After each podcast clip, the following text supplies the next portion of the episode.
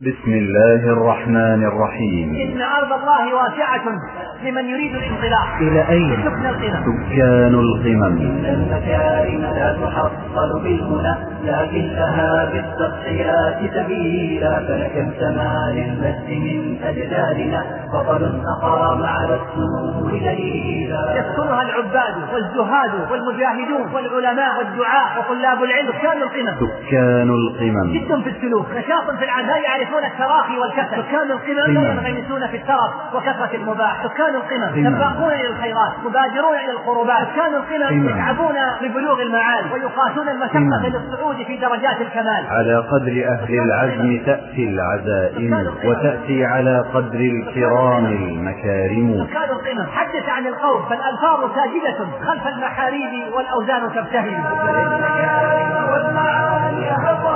من بعدهم الزمان مدينة. هذه المكارم عندهم كبداية لسلوك درب ما يزال طويلا. إن عدونا يرقب بحذر صحوة المسلمين. لا يكسر هذا العدو إلا سكان القمم. قمم من أكثر الناس تعرضا للفتن والبلاء. ألا ترى إلى ذبح نبي الله يحيى بن زكريا وقتل الخلفاء الثلاثة والحسين وابن الزبير وابن جبير ونفي البخاري من بلده. وقد ضرب أبو حنيفة وجرد ماله وضرب بالسياط وضرب الإمام أحمد حتى أغمي عليه وقطع من لحمه وهو حي سكان القمم دمر لسكن القمم السابقون من أنبياء الله عز وجل وأصحابهم ومن سار على منهجهم قمم. إن السكن في القمم قمم. هي الحياة قمم. إذا لم تكن أسدا قمم. في العدل ولا غزالا. السبت فلا تتثعلب سكان القمم لابد أن يقتنع الفرد المسلم بأن عنده طاقات وقدرات يستطيع فيها القيام بأعمال كبيرة سكان القمم سكان القمم فلكم سما للمجد من أجدادنا بطل أقام على السرور دليلا. أقام على السرور دليلا تسجيلات الهجرة الإسلامية بالخبر تقدم سكان القمم. للشيخ ناصر الأحمد. إذا نظرنا في هذه الأرض فسنرى فيها القمم الشامخة والفيافي الواسعة والوديان السحيقة. ونرى أيضا النسور التي تحلق في السماء وتعانق الغيوم وتزاحم النجوم. وفي المقابل نرى من يزحف في بطون الأودية أو يدفن رأسه في التراب كالنعام.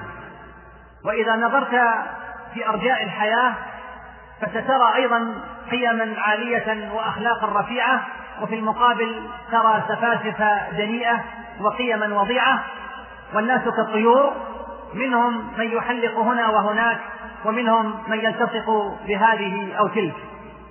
قلبي يحدثني ألا يليق به رضا بجهد ذليل اللب يرضيه. قد سار سائر نفس عز مطلبها وطار طائر لب في مراقيه. كالنسر لا حاجب للشمس يحرقه ولا الصواعق والأرواح تثنيه ليس الطموح إلى العلياء من سفه ولا السمو إلى حق بمكروه إن لم أنل منه ما أروي الغليل به. قد يحمد المرء ماء ليس يرويه والقانعون بما قد دان عيشهم. موت فإن هدوء القلب يرديه. يا قلب يهنيك نبض كله حرق إلى الغرائب مما عز ثانية. قال الإمام ابن الجوزي رحمه الله تعالى وتلمح سير الكاملين في العلم والعمل ولا تقنع بالدون فقد قال الشاعر ولم أر في عيوب الناس شيئا كنقص القادرين على التمام من هم سكان القمم؟ هل هم بشر كسائر البشر؟ أم هم أناس يعيشون على كوكب آخر ومن غير جنس البشر؟ إن سكان القمم معاشر الأحبة أناس مثلنا قريبون منا يعيشون على هذه الأرض بأجسامهم لكن هممهم وعزائمهم تحلق في السماء. سكان القمم لا يرضون لأنفسهم من كل شيء إلا أحسنه ومن كل أمر إلا أتمه وأجمله. وقد قيل قديما قدر الرجل على قدر همته فمن كان عالي الهمة كان عالي القدر ومن كان وضيع الهمة كان وضيع القدر. فبادر يا أخي الحبيب ولا يقعد بك العجز عن المكرمات وتأمل سير السابقين فإنها للهدى منارات. حاول أن تكون من سكان القمم وابذل في تحصيلها كل غال ورخيص ولا تدخر في ذلك أي نفيس. لكل مجد مكافأة تليق بمقامه. فمن جد في العلم كوفئ باحتياج الناس إليه. ومن جد في بذل المعروف كوفئ بثناء الناس عليه. ومن كان همه ما يأكله فقيمته ما يخرجه. أين طلاب المعالي؟ أين أصحاب الهمم العوالي؟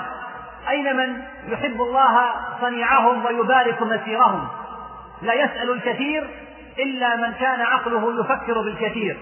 ولا يطلب العظيم إلا من كانت نفسه تسمو لكل عظيم. إذا غامرت في شرف مروم فلا تقنع بما دون النجوم فطعم الموت في أمر حقير كطعم الموت في أمر عظيم. إن حياتك مغامرة كبيرة وإن لحظات عمرك مباراة خطيرة فإياك ثم إياك أن تخرج منها خاسرا قبل أن تبني لك بيتا في الجنة. روى مسلم في صحيحه. من حديث أبي هريرة رضي الله عنه. قال قال رسول الله صلى الله عليه وسلم من أصبح منكم اليوم صائما؟ قال أبو بكر رضي الله عنه أنا. قال فمن تبع منكم اليوم جنازة؟ قال أبو بكر رضي الله عنه أنا. قال فمن أطعى منكم اليوم مسكينا؟ قال أبو بكر رضي الله عنه أنا. قال فمن عاد منكم اليوم مريضا؟ قال أبو بكر رضي الله عنه أنا. فقال رسول الله صلى الله عليه وسلم ما اجتمعنا في امرئ إلا دخل الجنة. وعند مسلم أيضا من حيث أبي هريرة رضي الله عنه أن رسول الله صلى الله عليه وسلم قال من أنفق زوجين في سبيل الله نودي في الجنة يا عبد الله هذا خير فمن كان من أهل الصلاة دعي من باب الصلاة ومن كان من أهل الجهاد دعي من باب الجهاد ومن كان من أهل الصدقة دعي من باب الصدقة ومن كان من أهل الصيام. دعي من باب الريان. قال الصديق رضي الله عنه يا رسول الله ما على أحد يدعى من تلك الأبواب من ضرورة؟ فهل يدعى أحد من تلك الأبواب كلها؟ فقال رسول الله صلى الله عليه وسلم نعم وأرجو أن تكون منهم.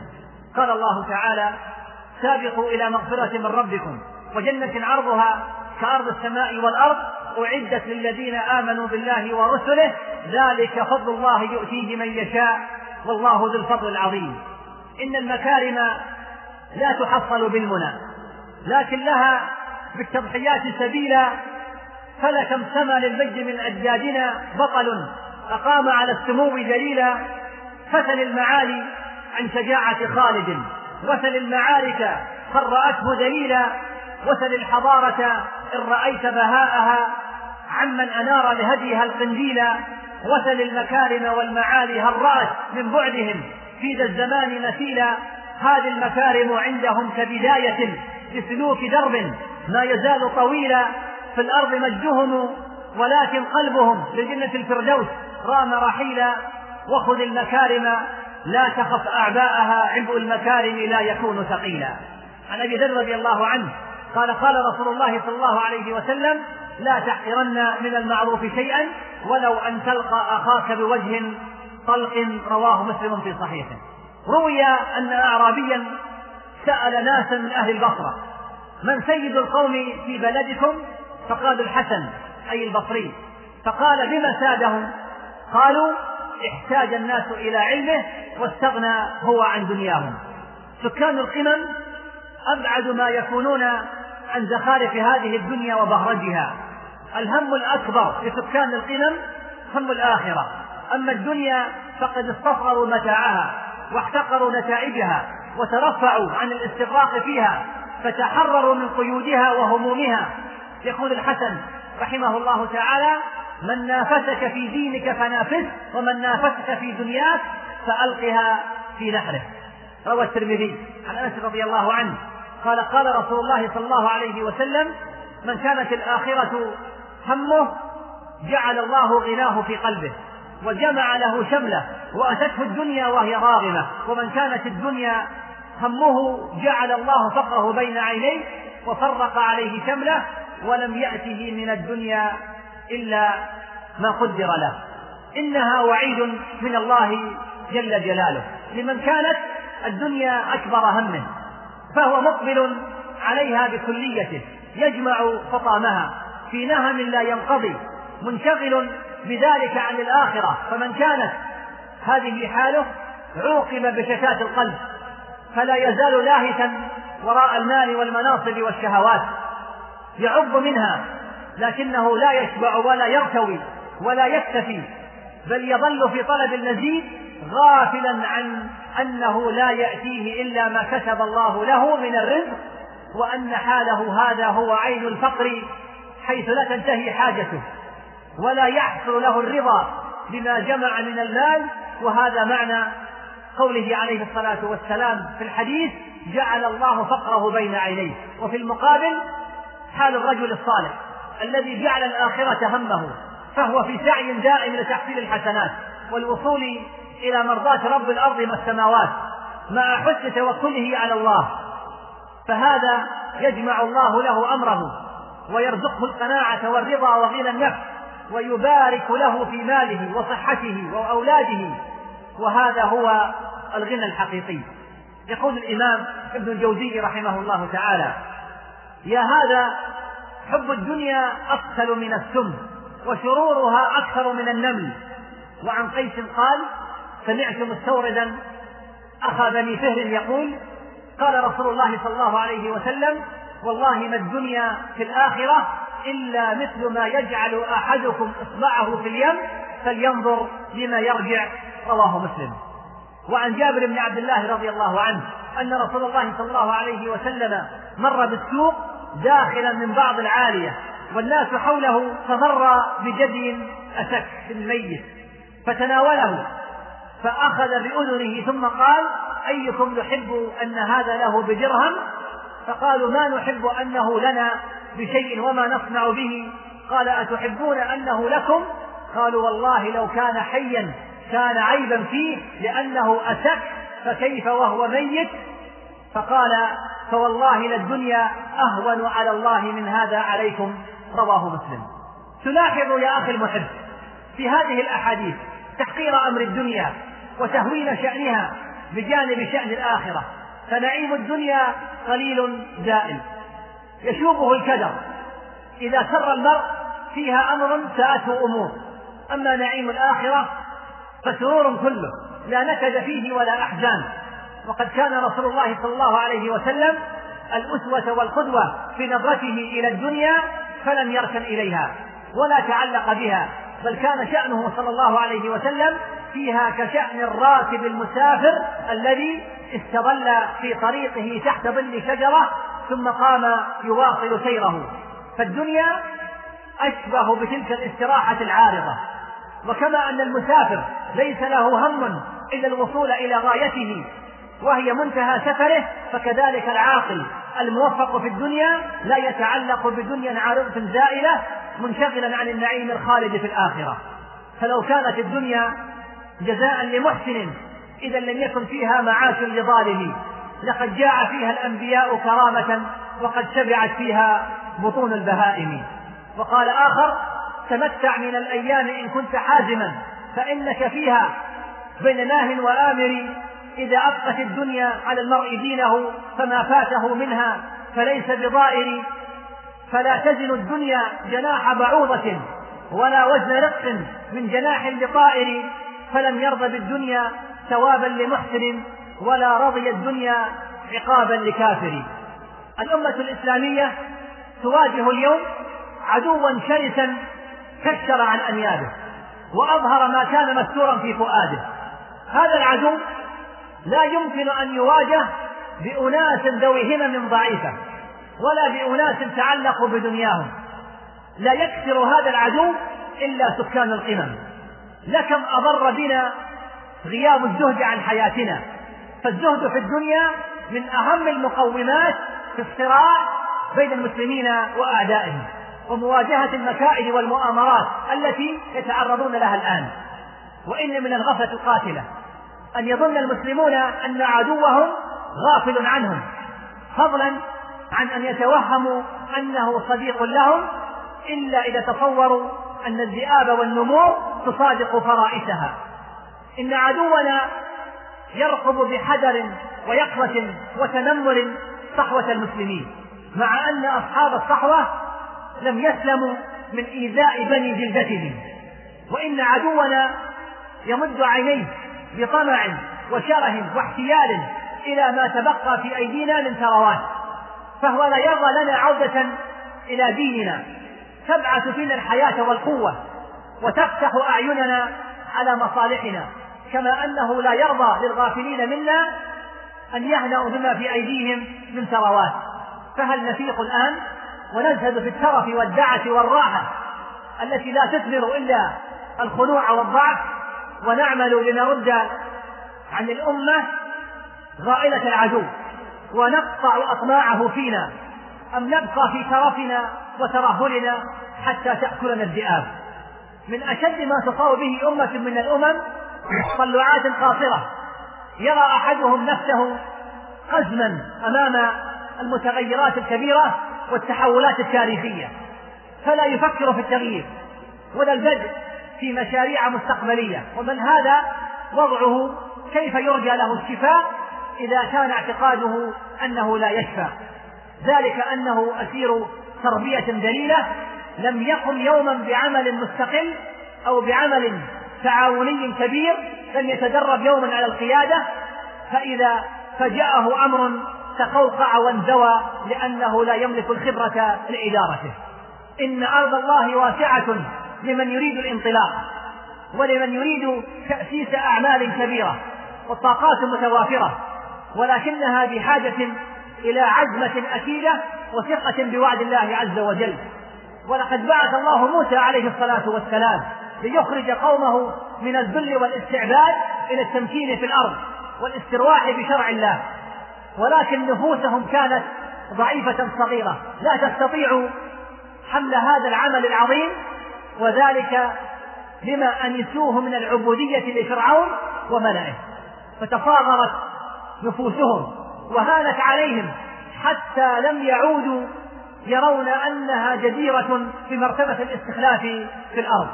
لا بد أن ينعتق الفرد المسلم من مثل هذه الأجواء التي تقيده وتشعره بضآلته وتشعره بأنه جزء صغير من آلة ضخمة ومن عجلة تدور لا يستطيع الفكاك منها. لا بد أن يقتنع الفرد المسلم بأن عنده طاقات وقدرات يستطيع فيها القيام بأعمال كبيرة. إن معالي الأمور لا يبلغها إلا أصحاب الهمم العالية والعزائم القوية. فالجنة محفوفة بالمكاره. قال ابن القيم رحمه الله تعالى علو الهمة لا تقف دون الله ولا تتعوض عنه بشيء سواه ولا ترضى لغيره بدلا منه. وأعلى الناس همة وأرفعهم قدرا. من لذتهم في معرفة الله ومحبته والشوق إلى لقائه. قال الله تعالى قل بفضل الله وبرحمته فبذلك فليفرحوا هو خير مما يجمعون. كان الأعرابي يأتي إلى الرسول صلى الله عليه وسلم يسأله حبة من شعير. قائلا يا محمد أعطني من مال الله فإنه ليس مالك ولا مال أبيك. هذه همة بينما همة ربيعة بن كعب الأسلمي همة فوق الشمس. عن ربيعة رضي الله عنه قال كنت أبيت مع رسول الله صلى الله عليه وسلم فأتيته بوضوئه وحاجته فقال لي سل. فقلت أسألك مرافقتك في الجنة. قال أو غير ذلك؟ قلت هو ذاك. قال فأعني على نفسك بكثرة السجود رواه مسلم. حدث عن القوم فالألفاظ ساجدة خلف المحاريب والأوزان تبتهل. أين كانت تحلق همة ربيعة؟ كانت تحلق في سماء رفيعة وقمم شاهقة أسألك مرافقتك في الجنة. فلله در الهمم كما قال ابن القيم رحمه الله تعالى ما أعجب شأنها وأشد تفاوتها فهمة متعلقة بالعرش وهمة هائمة حول الأنتان والحش. سكان القمم جد في السلوك نشاط في العمل لا يعرفون التراخي والكسل. ومن سنن الحياة أن الدنيا لا تعطي حصادها إلا لمن يزرعها ولا جناها إلا لمن يغرسها. سكان القمم لا ينغمسون في الترف وكثرة المباح. قال ابن القيم رحمه الله تعالى قال لي شيخ الإسلام قدس الله روحه في شيء من المباح هذا ينافي المراتب العالية. وإن لم يكن تركه شرطا في النجاة فالعارف يترك كثيرا من المباح برزخا بين الحلال والحرام. سكان القمم سباقون إلى الخيرات مبادرون إلى القربات. لا يفرغ من خير إلا بدأ بخير بعده. لا ينفض يده من عمل إلا وضعها في عمل آخر. يفيد نفسه وينفع أمته. قال أحد السلف إذا هممت بخير فبادر هواك لا يغلبه. وإذا هممت بشر فسوف هواك لعلك تظفر. سكان القمم يتعبون لبلوغ المعالي ويقاسون المشقة للصعود في درجات الكمال لكنه تعب يعقبه فرح. ونعيم لا شقاء بعده. يقول ابن القيم رحمه الله تعالى وقد أجمع عقلاء كل أمة على أن النعيم لا يدرك بالنعيم وأن من آثر الراحة فتته الراحة وأن بحسب ركوب الأهوال واحتمال المشاق تكون الفرحة واللذة فلا فرحة لمن لا هم له ولا لذة لمن لا صبر له ولا نعيم لمن لا شقاء له ولا راحة لمن لا تعب له. بل إذا تعب العبد قليلا استراح طويلا إنما تخلق اللذة والراحة والنعيم في دار السلام. وأما في هذه الدار فكلا. القمم يسكنها العباد والزهاد والمجاهدون والعلماء والدعاة وطلاب العلم. شمر لسكن القمم السابقون من أنبياء الله عز وجل. وأصحابهم ومن سار على منهجهم. إن السكن في القمم هي الحياة التي من حرمها فهو من جملة الأموات. والنور الساطع الذي يسترشد به الغرباء في بحار ظلمات الدنيا وهي الشفاء الذي من فقده فقد أصابته جميع الأسقام. وبها تكون اللذة التي من لم يظفر بها فعيشه كله هموم وآلام. إذا هممت فبادر. وإن عزمت فثابر واعلم أنه لا يدرك المفاخر من رضي بالصف الآخر. يا طالبا للدعة أخطأت الطريق. علة الراحة التعب. إذا لم تكن أسدا في العزم ولا غزالا في السبق فلا تتثعلب من احتشم ركوب الأهوال بقي عن إدراك الآمال. من وجد الله فماذا فقد؟ ومن فقد الله فماذا وجد؟ متى صح منك الود فالكل هين وكل الذي فوق التراب تراب. إذا اطلع الخبير على الضمير فلم يجد في الضمير غير الخبير جعل فيه سراجا منيرا. سكان القمم في كل وقت يقل عددهم لكن يجل قدرهم. حتى إن ماتوا فهم أحياء. فكم من أناس موتى تحيا القلوب بذكرهم وأناس أحياء تموت القلوب برؤيتهم. ولو أن فوقي تربة ودعوتني لأجبت صوتك والعظام رفات وقال ابن القيم رحمه الله وتفنى عظام الصب بعد مماته وأشواقه وقف عليه محرم. قال الفاروق عمر رضي الله عنه لا تصغرن همتك فإني لم أرى أقعد بالرجل من سقوط همته.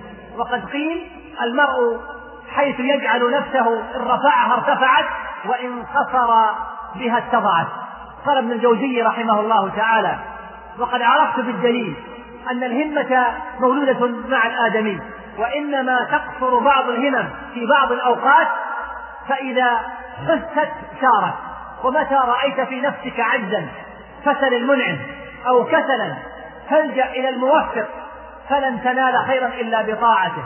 ولا يفوتك خير إلا بمعصيته. وقال أيضا رحمه الله في صيد خاطره قال الكلب للأسد يوما يا سيد السباع غير اسمي فإنه قبيح. فقال له أنت خائن لا يصلح لك غير هذا الاسم. قال جربني. قال فأعطاه قطعة لحم وقال له احفظ هذه إلى الغد وأنا أغير اسمك.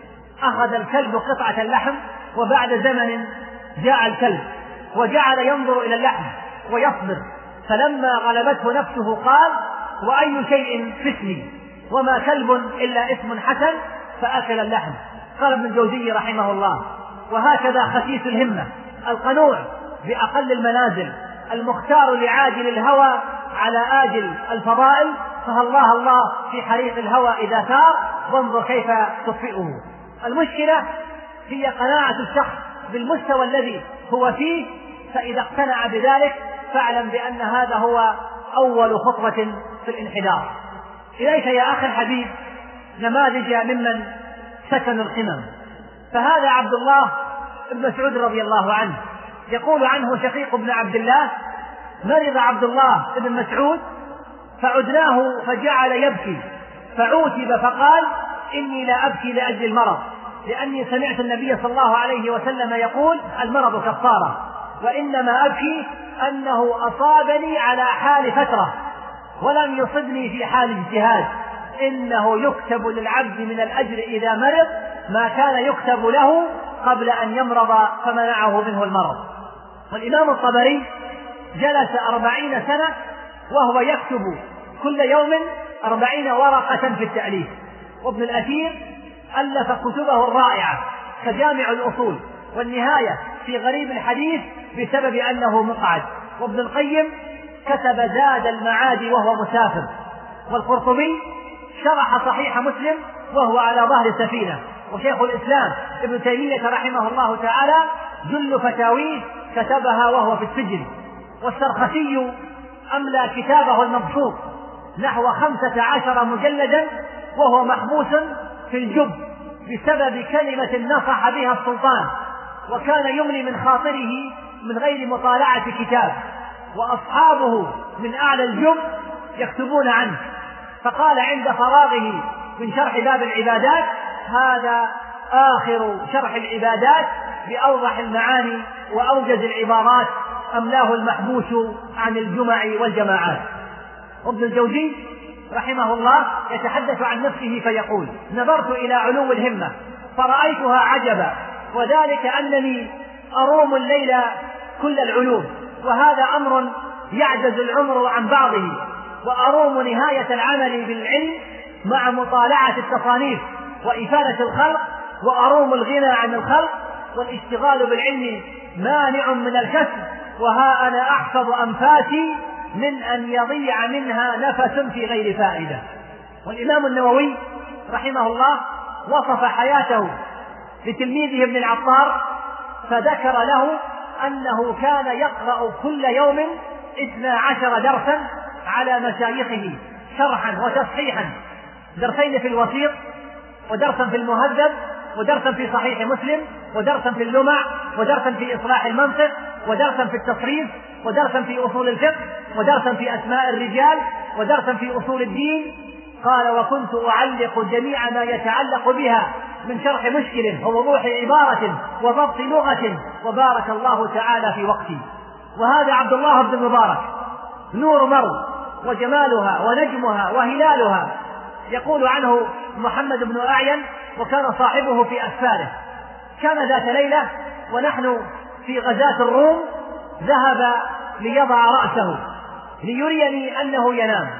فقلت أنا برمحي في يدي قبضت عليه ووضعت رأسي على الرمح كأني أنام كذلك. قال فظني أني قد نمت فقام فأخذ في صلاته. فلم يزل كذلك حتى طلع الفجر وأنا أرمقه. فلما طلع الفجر أيقظني وظني أني نائم وقال يا محمد فقلت إني لم أنم. قال فلما سمعها مني ما رأيته بعد ذلك يكلمني ولا ينبسط إلي في شيء من غزاته كلها كأنه لم يعجبه ذلك مني. لما فطنت له من العمل فلم أزل أعرفها فيه حتى مات ولم أرى رجلا أسر بالخير منه. عن القاسم ابن محمد قال كنا نسافر مع ابن المبارك فكثيرا ما كان يخطر ببالي فأقول في نفسي بأي شيء فضل هذا الرجل علينا؟ حتى اشتهر في الناس هذه الشهرة. إن كان يصلي إنا لنصلي. وإن كان يصوم إنا لنصوم. وإن كان يغزو فإنا لنغزو. وإن كان يحج إنا لنحج. قال فكنا في بعض مسيرنا في طريق الشام.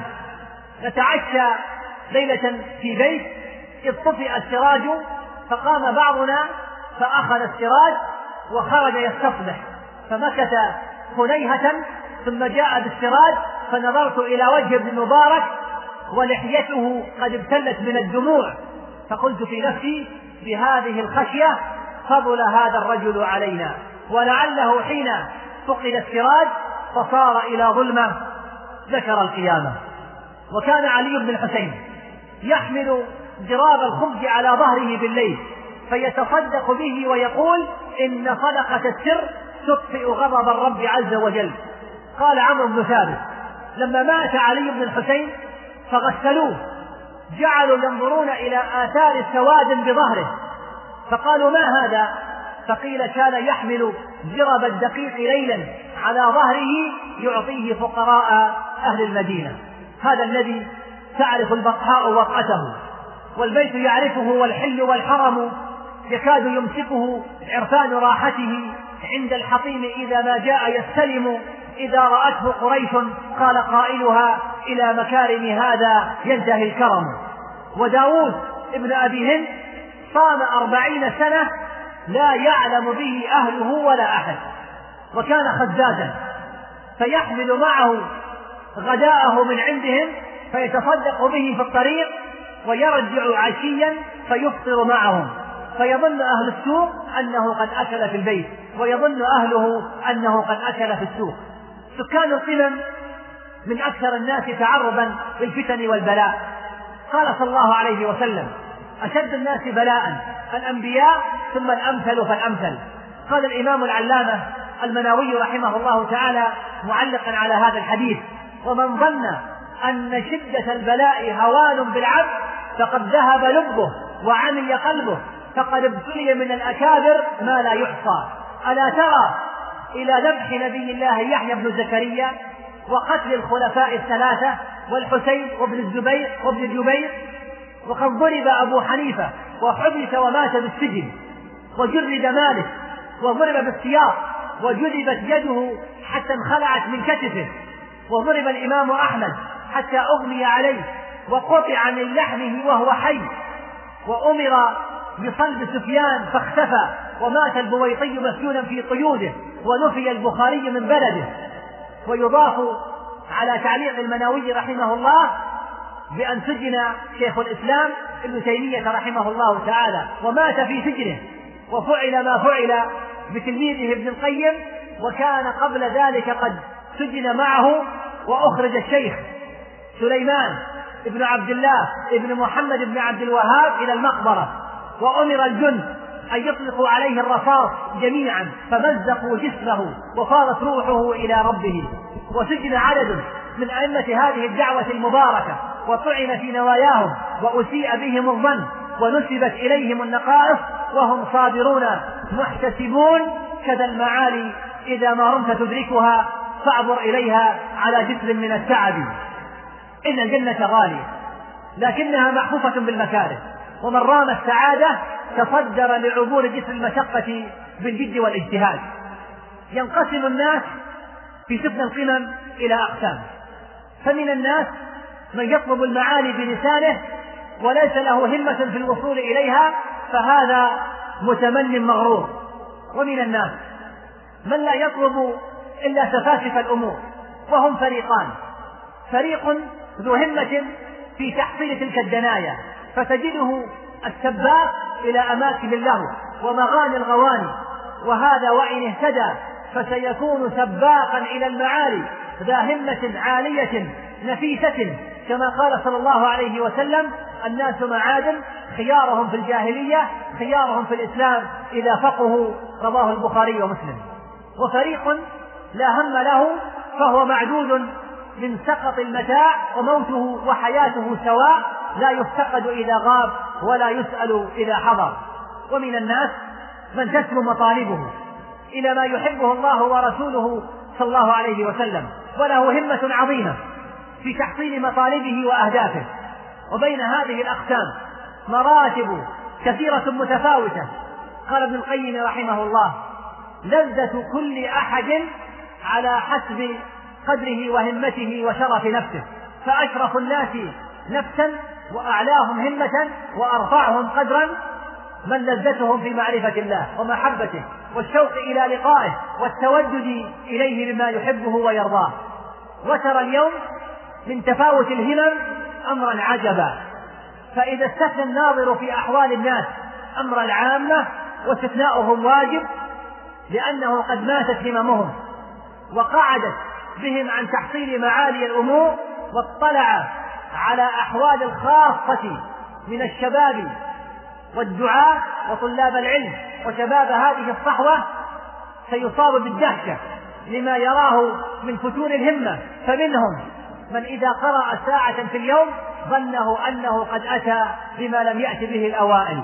ومنهم من إذا خرج لزيارة فلان من الناس بقصد الدعوة يظن أنه قد قضى ما عليه. ومنهم من تتغلب عليه زوجة وعيال فيقطع عامة وقته في مرضاتهم. ومنهم من اقتصر في تحصيل العلم على سماع بعض الأشرطة وحضور محاضرة أو اثنتين في الأسبوع أو الشهر. ومنهم من غلب عليه الركون إلى الدنيا والتمتع بمباحاتها تمتعا يفضي به إلى نسيان المعالي العلية. وهكذا ينذر أن تجد إنسانا استطاع أن يسكن القمم وأن يعلو بهمته ويجمع شمله ويقصر من الاعتذارات والشكايات فتصبح حياته مثلا أعلى يحتذى به. ولا أحد يزعم بأن جمهور الصحوة قد فات عليه أمر الهمة وعلوها ولكن القليل هم الذين يستثمرون هممهم حق الاستثمار.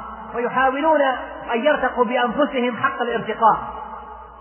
إن تحقيق كثير من الأمور مما يعده عامة الناس خيالا لا يتحقق يستطيع سكان القمم بتوفيق الله لهم أولا وبهمتهم ثانيا إنجاز كثير من الأعمال التي يستعظم بعضها من قعدت به همته ويظنها خيالا.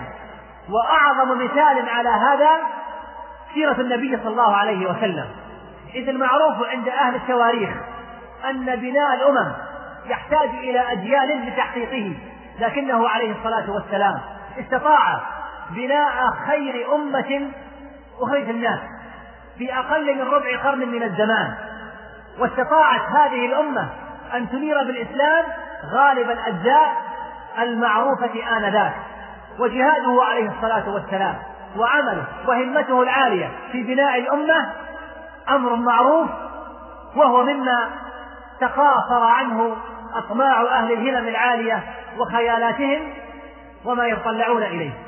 والصديق رضي الله عنه استطاع في أقل من سنتين أن يخرج من دائرة حصار المرتدين ولم يمت رضي الله عنه إلا وجيوشه تحاصر أعظم إمبراطوريتين في ذلك الوقت.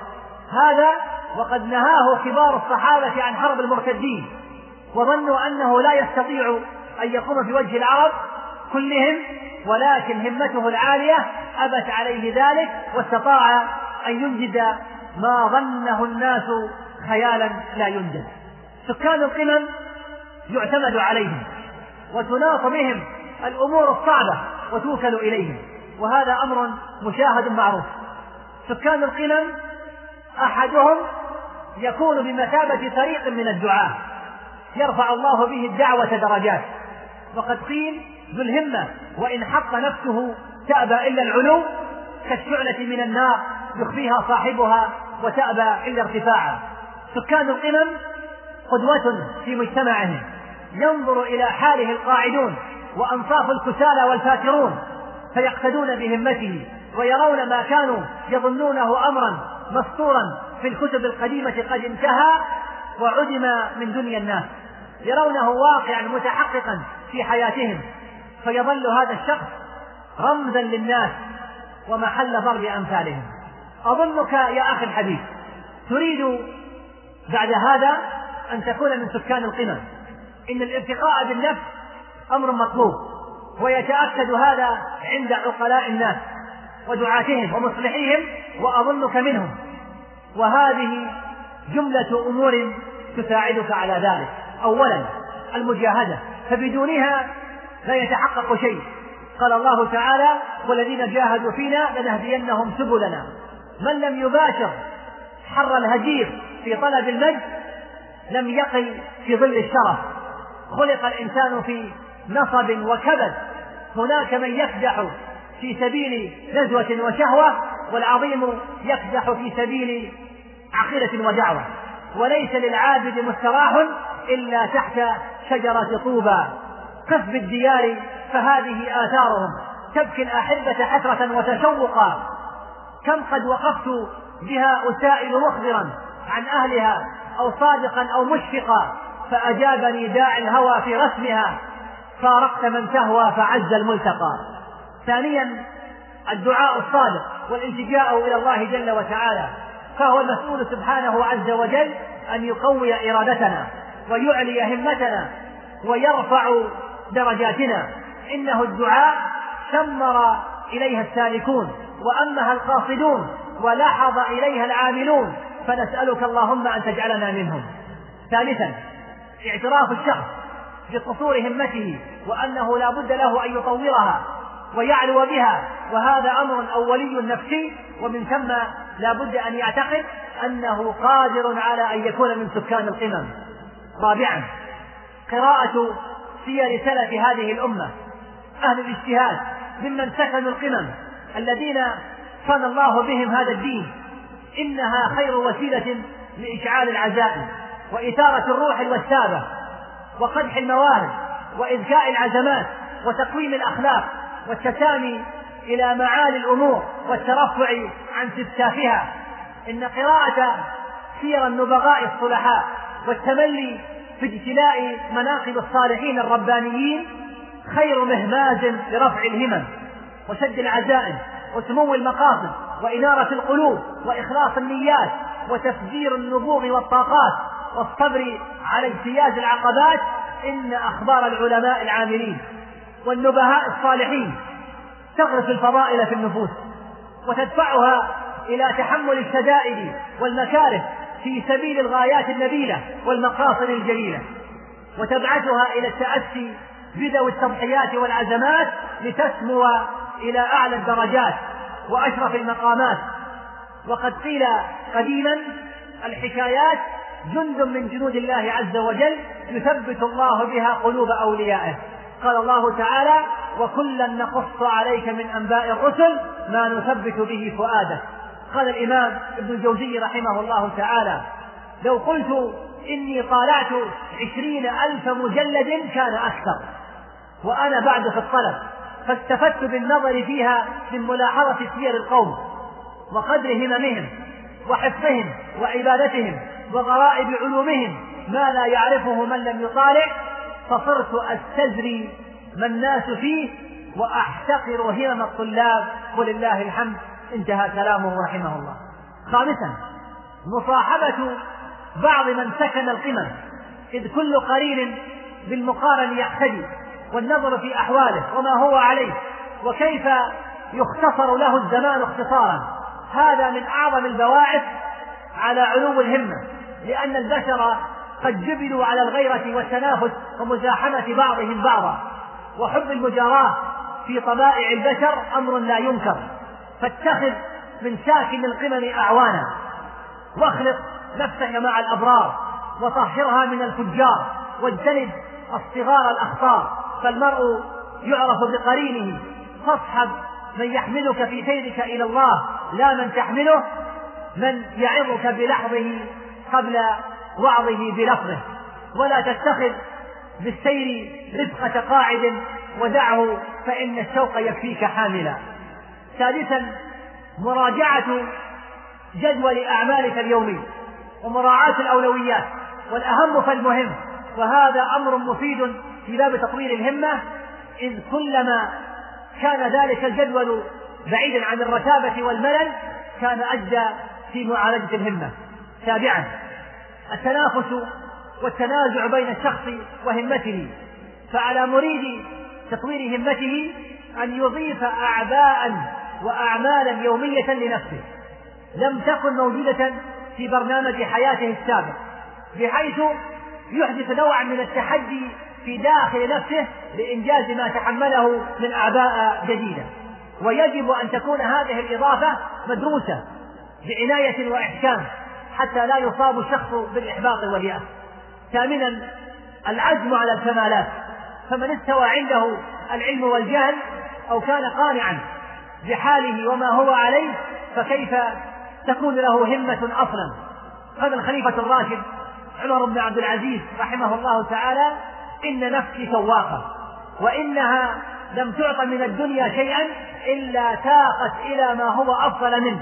فلما أعطيت ما لا أفضل منه في الدنيا تاقت إلى ما هو أفضل منه يعني الجنة. تاسعا التحول عن البيئة المثبطة.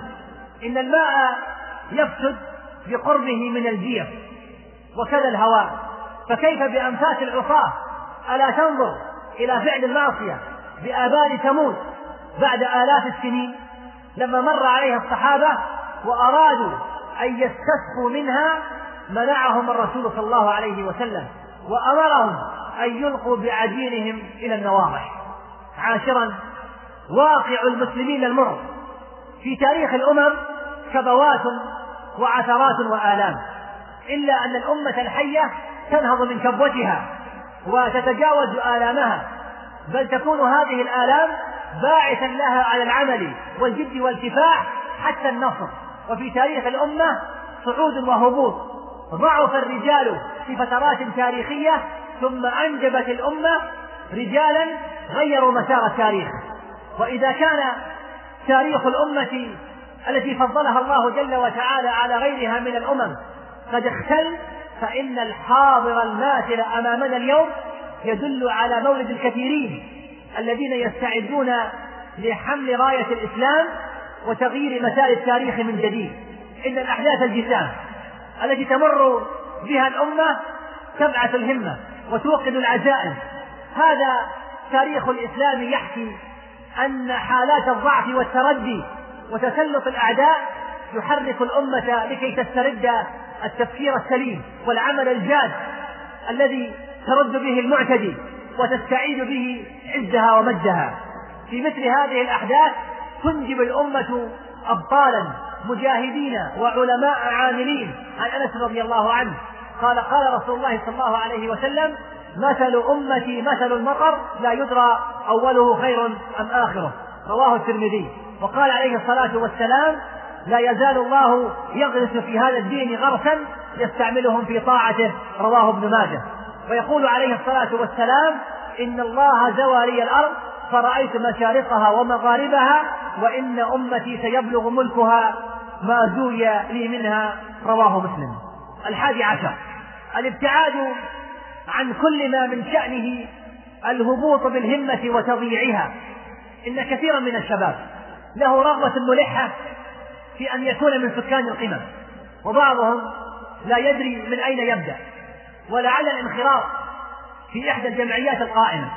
أو الهيئات المنتشرة أو اللجان المتاحة أو الأعمال الإغاثية الواسعة أو جمعيات البر أو المشاركة في أعمال الحسبة أو جمعيات تحفيظ القرآن الكريم أو بعض المؤسسات الخيرية أو غيرها لهو خير وسيلة لتفريغ طاقات أعداد من الشباب لا يدرون كيف يقضون أوقاتهم.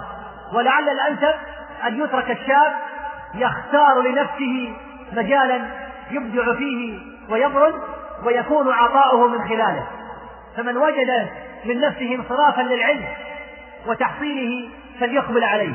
ومن وجد منها ميلا إلى الأعمال الخيرية والإغاثية فليشارك إخوانه. ومن وجد قدرة على الاحتساب فليبادر.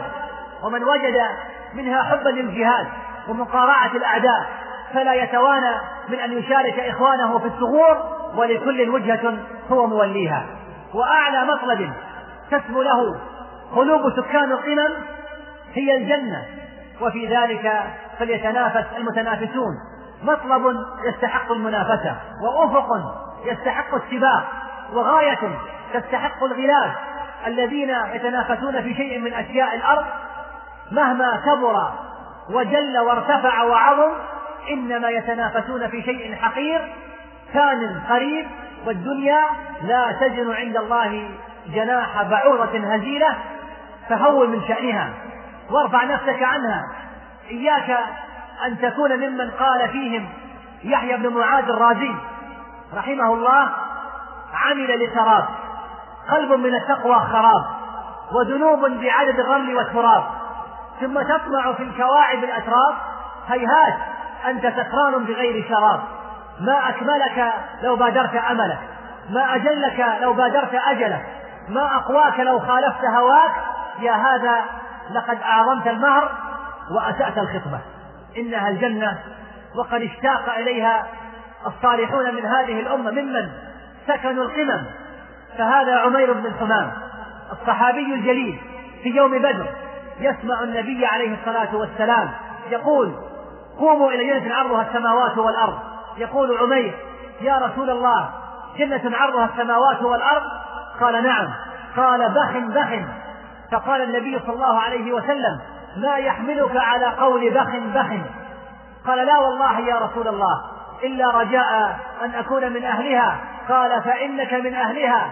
قال فأخرج ثمرات في قرنه فجعل يأكل منهن. ثم قال لئن أنا حييت حتى آكل ثمراتي هذه إنها لحياة طويلة. قال فرمى ما كان معه من التمر. ثم قاتلهم حتى قتل رضي الله عنه وأرضاه. هذا نموذج من سكان القمم. وهذا سيد بني سلمة. عمرو بن الجموح رضي الله عنه كان رجلا أعرج شديد العرج. فلما كان يوم أحد قال رسول الله صلى الله عليه وسلم. قوموا إلى الجنة. عرضها السماوات والأرض. أعدت للمتقين. فقام وهو أعرج. فقال والله إني لأرجو أن أطأ بعرجة هذه الجنة. فقاتل حتى قتل رضي الله عنه. وهذا خيثمة ابن الحارث رضي الله عنه. استهم يوم بدر مع ابنه سعد. فخرج سهم سعد. فقال له أبوه يا بني آثرني اليوم. فقال له سعد يا أبتي لو كان غير الجنة فعلت فخرج سعد إلى بدر فقتل فيها وما زال أبوه خيثمة يتطلع إلى الجنة حتى كان يوم أحد. فأتى إلى النبي عليه الصلاة والسلام وقال يا رسول الله لقد أصبحت مشتاقا إلى مرافقة ابن سعد في الجنة وقد كبرت سني ورق عظمي وأحببت لقاء ربي. فادعو الله يا رسول الله أن يرزقني الشهادة ومرافقة سعد في الجنة. فدعا له النبي عليه الصلاة والسلام. بذلك فقتل بأحد شهيدا رضي الله عنه وأرضاه. يقول الإمام ابن القيم رحمه الله تعالى في هذا المطلب العظيم لسكان القمم لما علم الموفقون ما خلقوا له وما أريد بإيجادهم رفعوا رؤوسهم. فإذا علم الجنة قد رفع لهم. فشمروا إليه وإذا صراطها المستقيم قد وضح لهم فاستقاموا عليه ورأوا من أعظم الغبن بيع ما لا عين رأت ولا أذن سمعت ولا خطر على قلب بشر. في أبد لا يزول ولا ينفد بصبابة عيش إنما هو كأضغ... إنما هو كأضغاث أحلام أو كطيف زار في المنام. مشوب بالنغص ممزوج بالغصص إن أضحك قليلا أبكى كثيرا وإن سر يوما أحزن شهورا آلامه تزيد على لذاته وأحزانه أضعاف أضعاف مسراته أوله مخاوف وآخره متالف. فيا عجبا من سفيه في صورة حليم ومعتوه في مثلاخ عاقل آثر الحظ الفاني الخسيس على الحظ الباقي النفيس. وباع جنة عرضها الأرض والسماوات بسجن ضيق بين أرباب العاهات والبليات ومساكن طيبة في جنات عدن تجري من تحتها الأنهار بأعطان ضيقة آخرها الخراب والبوار فوا عجبا لها كيف نام طالبها وكيف لم يسمح بمهرها خاطبها. وكيف طاب العيش في هذه الدار بعد سماع أخبارها؟ وكيف قر للمشتاق القرار دون معانقة أبكارها؟ وكيف قرت دونها أعين المشتاقين؟ وكيف صبرت عنها أنفس الموقنين؟ وكيف صدفت عنها قلوب أكثر العالمين؟ وبأي شيء تعوضت عنها نفوس المعرضين؟ انتهى كلامه رحمه الله تعالى. قال رسول الله صلى الله عليه وسلم من خاف أدلج ومن أدلج بلغ المنزل ألا إن سلعة الله غالية ألا إن سلعة الله الجنة. هي سلعة الرحمن لست رخيصة بل أنت غالية على الكسلان. هي سلعة الرحمن ليس ينالها في الألف إلا واحد لاثنان هي سلعة الرحمن ماذا كفؤها إلا أولو التقوى مع الإيمان؟ هي سلعة الرحمن سوقك كاسد بين الأراضي لسفة الحيوان. يا سلعة الرحمن أين المشتري؟ فلقد عرضت بأيسر الأثمان. يا سلعة الرحمن هل من خاطب؟ فالمهر قبل الموت ذو إمكان. يا سلعة الرحمن كيف يصبر الخطاب عنك وهم ذو إيمان؟ يا سلعة الرحمن لولا أنها حجبت بكل مكاره الإنسان. ما كان عنها قط من متخلف وتعطلت دار الجزاء الثاني لكنها حجبت بكل كريهة ليصد عنها المبطل المتواني وتنالها الهمم التي تسمو إلى رب العلا بمشيئة الرحمن. اتعب ليوم معادك الأدنى تجد راحاته يوم المعاد الثاني. والحمد لله أولا وآخرا وظاهرا وباطنا. وأصلي وأسلم على عبده ورسوله نبينا محمد وعلى آله وصحبه وسلم تسليما كثيرا. بطل أقام على السمو دليلا إن المكارم تم هذا العمل في استوديو القادسية مهندس الصوت أبو سليمان.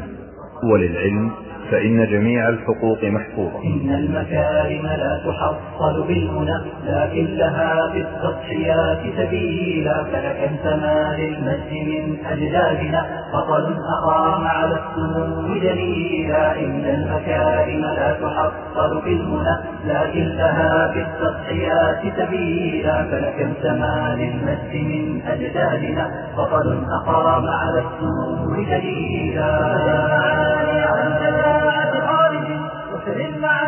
المعارك هوأته دليلا وسل الحضارة إن رأيت بهاءها. عمن أنار لهديها القنديلا وسل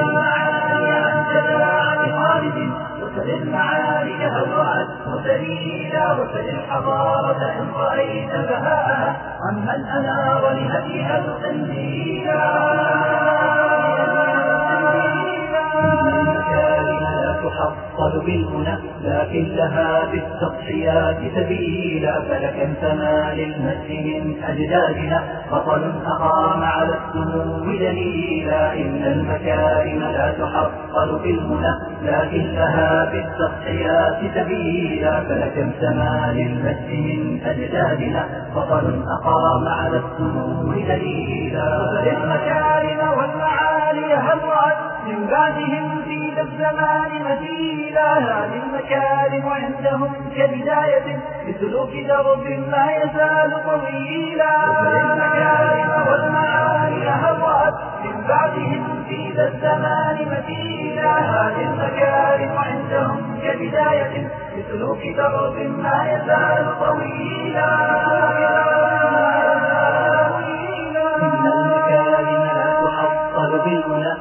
لكن لها بالتضحيات سبيلا فلكم سما للمجد من أجدادنا بطل أقام على السمو دليلا إن المكارم لا تحصل بالمنى لكن لها بالتضحيات سبيلا فلكم سما للمجد من أجدادنا. بطل أقام على السمو دليلا في الأرض مجدهم ولكن قلبهم للجنة الفردوس رام رحيلا. وخذ المكارم لا تخف أعداءها تدعو المكارم لا يكون ثقيلا. في ولكن قلبهم للجنة الفردوس رام رحيلا وخذ المكارم لا تخف أعداءها تدعو المكارم لا يكون ثقيلا.